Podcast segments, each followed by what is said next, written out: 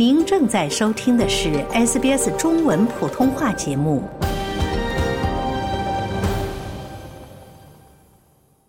从法律角度看待社会现象，以专家意见指点生活迷津。请听现场说法。现场说法，您了解法律、咨询问题的空间。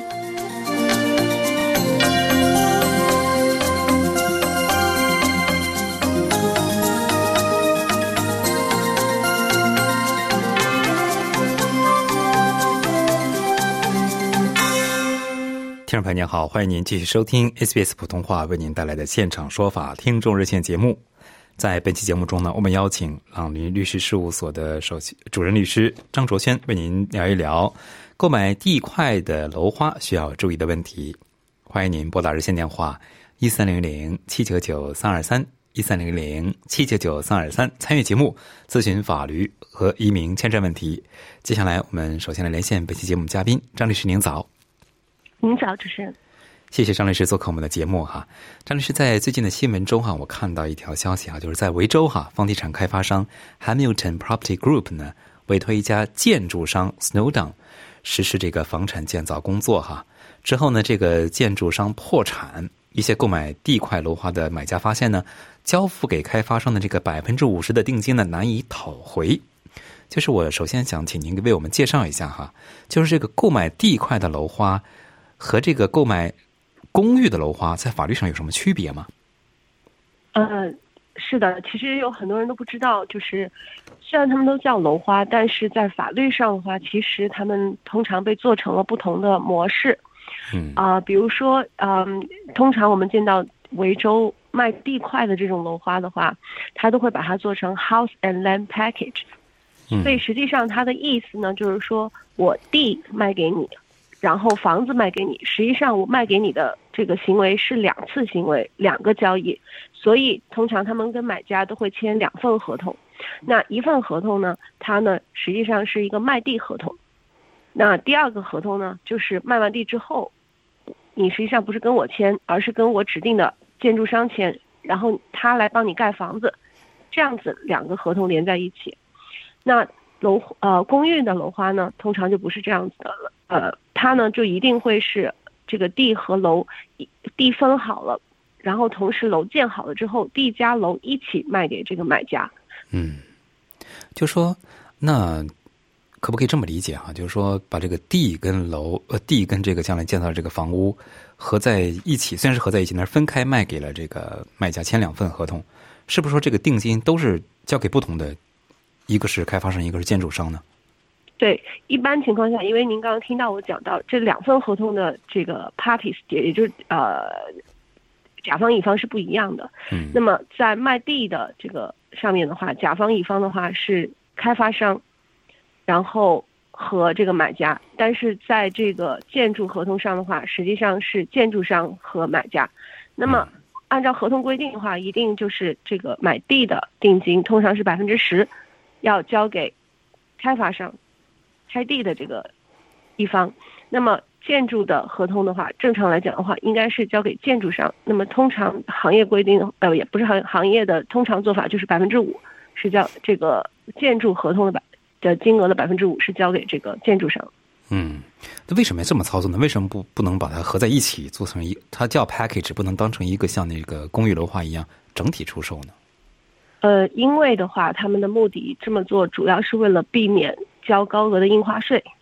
如果你是开地加建楼一起卖给买家的话，那么这整个过程的话都被视为是一个交易。那么这一个交易的话，是一个呃，会把它认为是一个会引发地产楼花税的一个行为。所以说，这个 stamp duty 的话，计算的总金额是这个合同地加房子盖好的总的这个合同的金额来计算的。但如果把你把它做成 house and land package 呢，实际上它就是被拆分成两个行为。那么真正引发要交地税 stamp duty 的，不是地税就是呃印花税的这个交易呢，就只有交地的行为。那盖房子本身的话呢，并不是属于这个要交 stamp duty 的一个事件。嗯，那应该是可以省一笔不小的钱哈。就说，嗯，这个案例中哈、这个交了定金的这个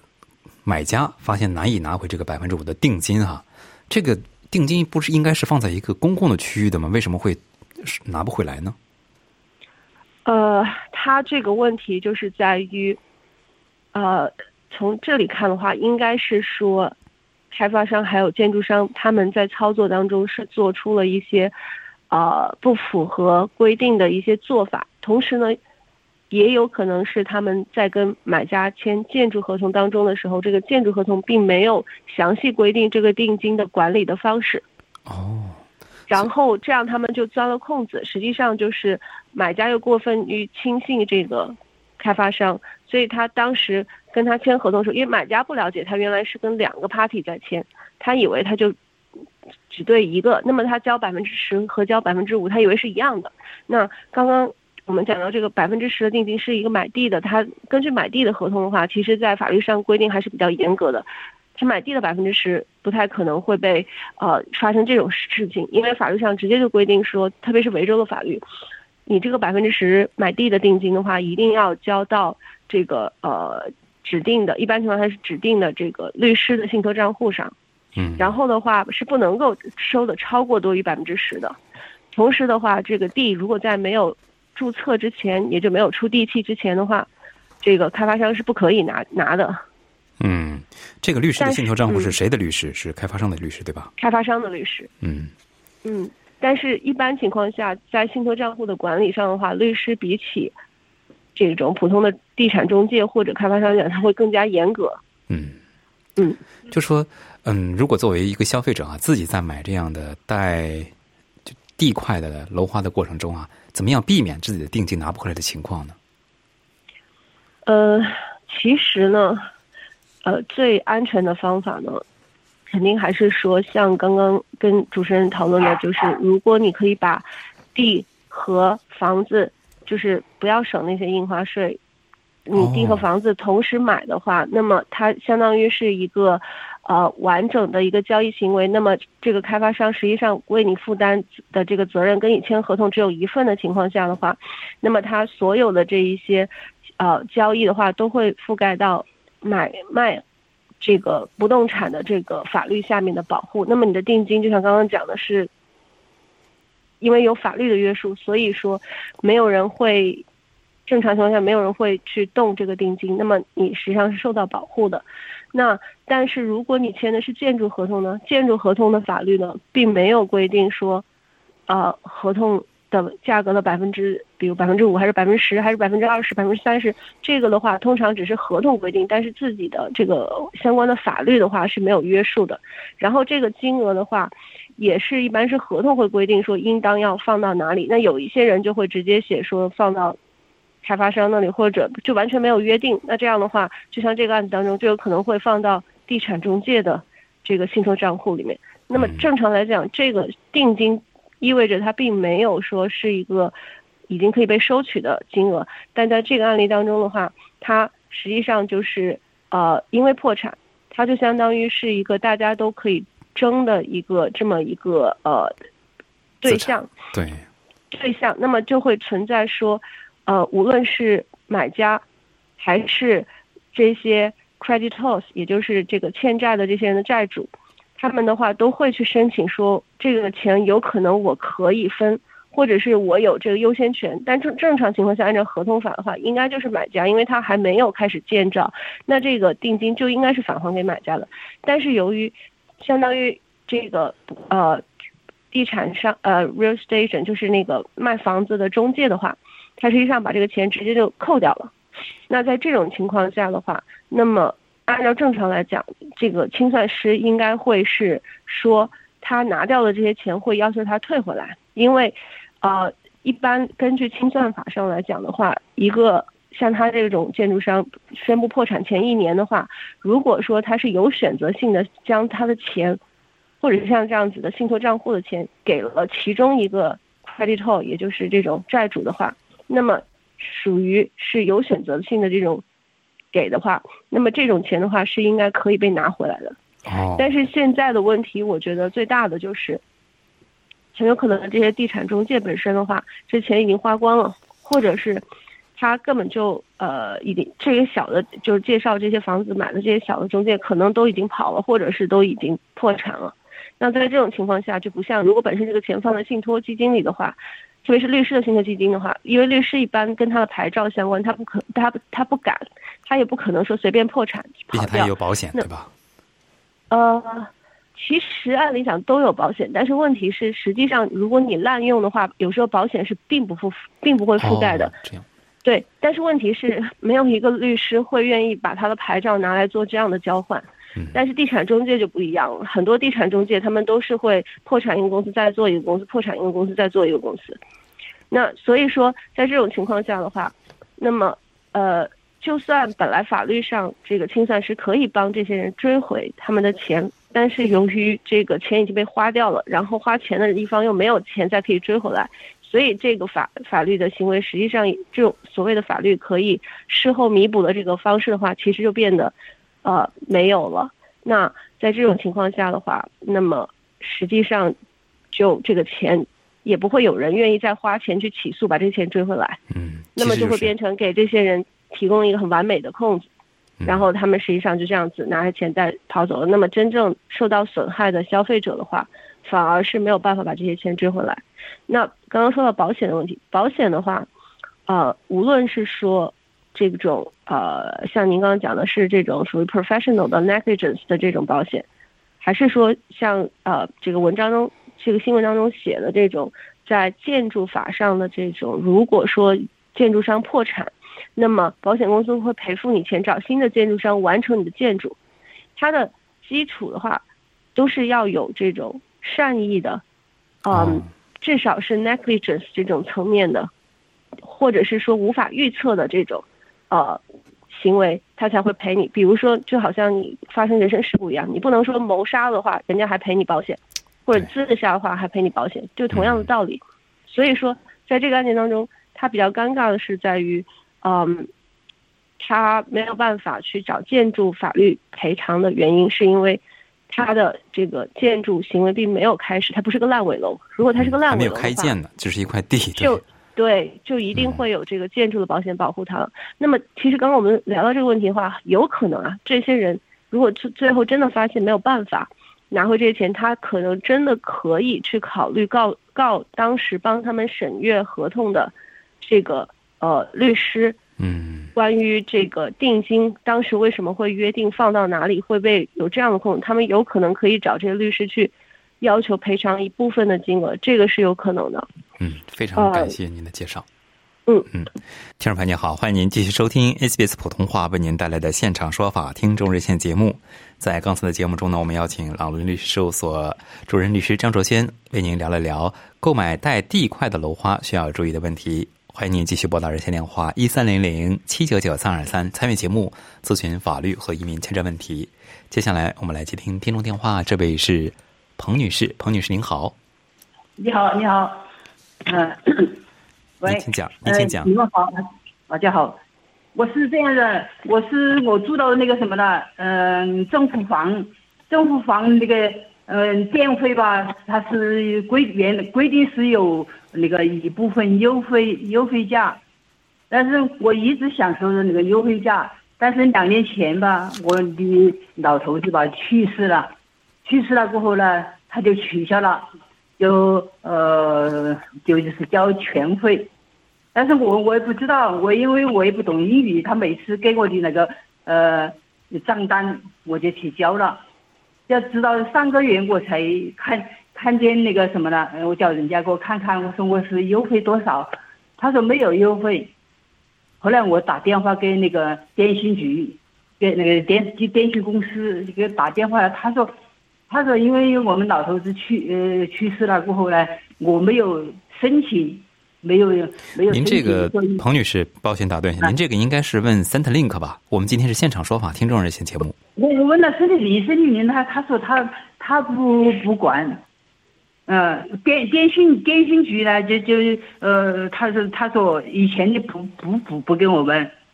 就是就是以后那个现在重新申请来开始给我给我那个优惠，但是以前多收的这一部分呢，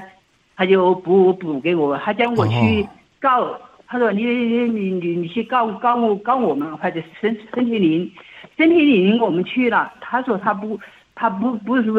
不是这个钱不是他收的，嗯，嗯他也不管。像张律师这种情况，一般只能是跟这个供电的这个供电方去来商量，对吧？呃，就是他嗯他他我我不太了解这一块，但是我的思路跟主持人一样。正常来讲，像呃这种情况，还是应该是联系 Centerlink 的人，然后由他们来呃搞清楚，就是当时他们政府给你的补贴究竟是哪个类别的。然后现在是这个类别的话，你是不是还有资格继续申请？但至于以前错过的钱，啊、据我的理解的话，像其他一些人申请，比如说像呃什么孩子的那种补贴的话，如果你错过了，应该就没有再补给你的道理了。但是将来的话，应该是可以做到的，除非你能够证明是 Centerlink 的疏漏或者错误。但是一般情况下，很有可能是你符合资格，但是你自己申请的表格填错，或者是没有更新，可在申请是对吧？对这个这，所以这个空档你要求补回的话，我觉得很很有可能是有一定难度的。但是从现在开始，你找到原因，为什么他之前不批给你这个金额的话，那么呃，接下来你要求这个表格填对了之后，要一直保护这个你的权利，就是帮你去支付这些呃 pension 也好，或者其他的这些 Centerlink 给的补补贴福利也好的话，那么就应该是可以得到保障的。我们是他我我因为老头我我住了公公公公房吧，那一块地方全是老年公寓，都都都都是享受那个的。然后另外的话，我觉得彭女，如果您搞不清楚的话，您可以找一下你们当地 council 的那些义工，让他们看看有没有，或者是社工，让他们看一下，帮你能不能去填写一些表格啊，或者去沟通，这样子可能会对，好一些更有。效果一点。因为您说的对，嗯您不会英文的话，有就根本不不要说能看得懂那些很复杂的表格，因为现在 Centerlink 他们的要求很多有些都提高了，然后那些表格，然后申请流程其实还是挺复杂的。好的，我现在，他我申请了，已经申请申请，他就是呃，他就说我老头子去世过后呢，就是没得这段时间，连两年当中，他一直就收我的那个什么，因为我也住到那个五十，对但是你要明白的是，如果你现在才递交申请，你之前没有递交申请这个，人家一般是不会补给你的。呃，还有一个事情就是我儿子，嗯、那个就是申申请申请，嗯、家庭最后成员，呃，已经是八九年了，八九年了，比他比他晚那个比他是早一年的，已经来了三年了，他一直他就没有没有来。我现在呢，就是老头子也去世了，我自己一个人的生活很困难，就是嗯嗯身身体也不好，有很多病，所以我想怎么能够想办法就是。加快这个申申请的进程是吧？对对对对对对，嗯，呃我本身不做移民，但是就我知道，就是那些做移民的同事跟我讲的话，那么呃，像您这种最后家庭成员的话，其实难度还是很大的。现在排队的话，很很多很多人。如果你说周围有人能够被选中过来的话，我觉得一方面运气问题吧，另一方面可能他真有一些什么特殊原因你是不知道的。然后他提交给移民局之后的话，移民局认为他这个很特殊的话，可以插队的话，让他插队。嗯哦就就是我已经九年了，嗯，就是呃，这很正常，有二十年的都没有等过来的，然后人都死了都没等过来的，很多的这种呃普通的父母移民或者是所谓最后家庭成员移民的话，很多都会发生这样的情况的，因为他的每年的配额非常的少。嗯好的，彭女士，您自己再更一下，谢谢彭女士的咨询。接下来接听下面一位听众，这位是刘女士，刘女士您好，哎，你好，哎，您请讲，久等了。我想咨询一个问题，是关于孩子去特长班，比如说游泳啊、打球啊这种，他每次呢固定是要交十次的钱，这是一个学期。如果中间你有事儿啊，因事儿你不来的，他也不 make up，他也不 credit，就这样浪费了。那如果这一年呢，如果你每个每个学期，呃，比如同学聚会啊、开 party 啊，你肯定要去的嘛。如果你这样子去呢，你就提前告诉他说能不能给个 credit，他们这个机构就是说不可以，然后就也没有 credit。你说你要是攒到下一次，比方说我再交九次的钱或者您就觉得这个不合理对吧？我就说有没有这样的相关条例？就是说我我已经去 argue 了，他也不同意，他就说你要么就上，要么就我把后面的学费退给你。这一年多呢，我们都有，呃，就是说不少的这个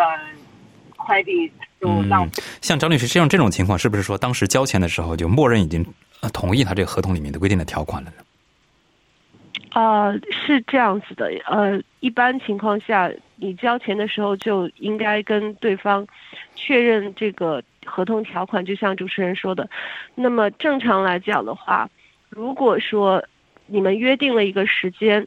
你没有出现是因为你个人的原因的话，那么别人要求去收取这个费用的话，应该也是合理的。原因是因为别人。推了其他的事情，然后安排在这个时间上课的。那么像您本身讲的，比如说，如果是我提前很多。时间通知你说我不去，那这样你可能会更有道理一点，因为这种情况下，本来你这个时间我提，比如提前一个月就跟你讲我不会过去，然后让你钱返还我的话，那么对方说我因为你这个事情做的准备或者花的时间或者推掉其他的事情的这个可能性就比较低，所以在这种情况下的话，那么对方阿表示这个钱不退给你，他可能会更理亏一点。但是最重要的就是，如果一开始双方签订合同或者大家有口头约定的时候，就讲明说这个东西应该多久提前通知可以取消，或者取消的话有没有什么费用要被扣除的话，这个应该是最好的一个状态。那如果说一开始他跟你讲明了说，我就是你要来上课我要收钱，你不来上课我也要收钱的，改时间的话我不同意退款的这种情况的话，那您可能会更好的就可以去决定说究竟要不要上这种课，因为据我了解，在这个市场上的话，并不是所有的这个提供这种服务的呃老师的话都会是这样收费的。那么，嗯，时间的话也是大家一般可以，特别是如果是你可以。比比较早的提前跟他进行修改的话，他应该是可一般都会同意的。没有，我我我有，我们每次交钱的时候就告诉他，我们其中有两次说是有考试，我我能不能可以交八次的钱？他就说不行。我就想问他这属是不是属于霸王条款？因为他这个呃不属于，因为你们你们双方其实是你情我愿，你可以不用找这个老师去学这个事情。嗯。没有，就是他这个我们找了很久才找的，他这个比较少。然后最近我又找着了一个，所以我才呃说以后就不去他家了，因为他每次属于霸王条款，那孩子又想来，又又又又这个没有办法去争是霸王条款，因为别人对，因为你交了钱了，对的。因为而且最重要，别人这种老师如果真的是好，你的孩子愿意去上的话，那么他就是缺资源，他就可以提，就是要求。可以更高一点，你愿意过来支付更多的钱的话，你就过来。我没有逼你一定要来我这边，嗯，你并没有存在一个是说被逼迫一定要去上课，然后一定要付钱的情况。嗯，好嘞，谢谢刘女士咨咨询，呃，希望您货比三家找到更呃理想中的这个课程班哈。接下来我们继续接听听众电话，这位是谢先生，谢先生您好。呃，您好，呃，主持人好，律师好，您好，您请讲。呃，我我请教的是一个呃私人房子装修建筑装修的合同，这是一个呃一个 extension 在后院的 extension，这是我邻居的房子，他们一对老夫妇，所以他们呃跟那个 builder argue 的时候呢，呃呃经常就是无计可施，情况就是呃他们的 extension 有一个 DA，DA 里面有一个嗯关于呃环保类似是 sus 嗯 sustainability。这样的条款就是要求他们的后院要种多少植物，呃，一些，呃，一些本本地的植物，还有那个垃圾是要多少的比例是要回收，然后用一些建筑材料，就是呃要低挥发性的材料，呃，就是这些条款呢是在 DA 里面的，但是 Builder 说他不清楚，所以现在呢这些证明这些 certificate 他一样都提供不了，然后他认为这不是他的责任，那导致就是这对老夫妇他们。的房子建好了，但是拿不到 OC，想请问这个问题可以怎么样解决？嗯，我觉得第一步的话就是，嗯，这对老夫妇的话，还是应该要跟 Council 去，嗯，谈判这个 OC 的问题，因为，嗯，问题就是在于，你你说的对，这个 Builder 如果说他当时建造的时候。嗯，遇到了这样子的问题，他没有去处理的话，你是可以追究他合同下的责任。但是问题就是在于，如果说这种追究责任，第一，你这个 builder 不知道有多大多小，大公司可能会还好一点，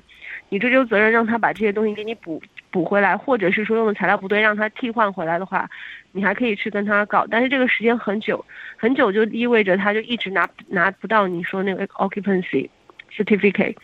所以说，在这种情况下的话，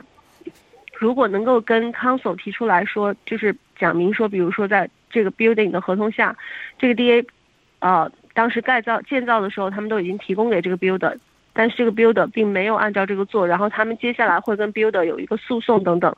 那么，比如说跟康所谈说，我们能不能说，在这个诉讼过程当中的话，你先嗯，让我们去使用这个地方，或者是在一定的条件下可以使用，不然的话会对我造成什么样的影响？那么。或者是说这些建材等等这些是不是达到这些标准 certificate 的话，我可以叫第二方的这个 builder 去给一个意见，或者他们觉得说要重新做这个事情，大概是会需要多长的时间等等，就是跟 council 去谈的同时的话，去追究前面这个 builder 的责任，可能对于他们来讲是解决这个问题的方法。因为正常来讲的话，呃，council 虽然它比较严格给 OCJ 怎么样，但是我的经验是，任何一个 council 都是可以去谈的，而且是可以跟他讲说，在某一种 condition 下，特别是如果这个你拿不到 OC，对你的生活等等会造成很大的影响。但实际上他给你的 condition 的话，并没有说，呃，如果说这个这个东西标准比较高，完全没有达到的话，就会造成很明显，马上对周围的环境造成很大的影响的情况下，都是可以跟他谈的。如果他不愿意跟你谈的话，甚至可以去根据。嗯，这个这个情况去申请到呃，您您是在新州还是在维州啊？呃，在新州，在 Chesswood，嗯，是 Willoughby Council。如果是这样的情况的话，如果你跟 Council 写信去交涉这个 DA 的 conditions，他不愿意去跟你妥协或者是去谈判的话，呃，你们甚至是可以去 NCAT。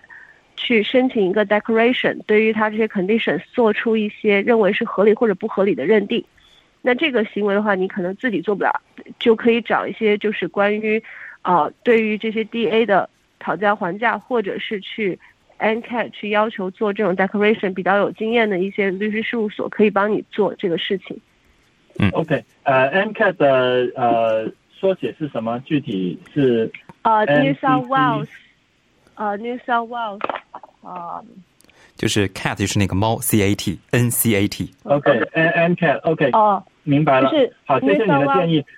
呃，New South Civil and Administrative Tribunal。嗯，OK，好好感啊，感谢你律师，谢谢。好嘞，谢谢谢先生，祝您顺利。那接下来我们看还能接听一位听众吗？这位是郑真先生，请您言简意赅表达自己的问题。好，你好。我们想购买一个带批文、有设计图的那个幼儿园用地，它上面有两个房子。我在这个交怎么交易比较要注意哪些法律问题？呃，你的意思是说，那个你要买的是带批文的地，也就是幼儿园还没有建起来，是吧？对，嗯，是一个中介公司安排。我们已经看中了这个过程，我们要注意哪些法律问题，或者要交什么税，要交什么的费用？呃，这个我觉得你还是直接咨询你具体帮你去看这个合同的律师会比较好。但是作为一个呃大致的一个导向的话，第一，你必须得给这个律师这个合同，合同里边的话，通常有一些比较重要的条款，呃，这个律师会帮你审，比如说是 GST。它是因为你现在是没还没有盖起来，那么你肯定会涉及到一个 GST 的问题。那你买买了这种 commercial，还有就是你本人是不是嗯这个外国人？那么即便你是好的，不需要去申请 FRB 的关系，就不得不打断两位了。非常感谢听众朋友们的咨询，非常感谢张哲轩律师做客今天的现场说法听众热线节目。因个人情况因人而异，法律问题复杂，本节目仅供一般性参考，并无意提供任何个案法律建议。具体法律纠纷，请您咨询专业律师。喜欢、分享、评论，欢迎您在 Facebook 上关注 SBS 普通话页面。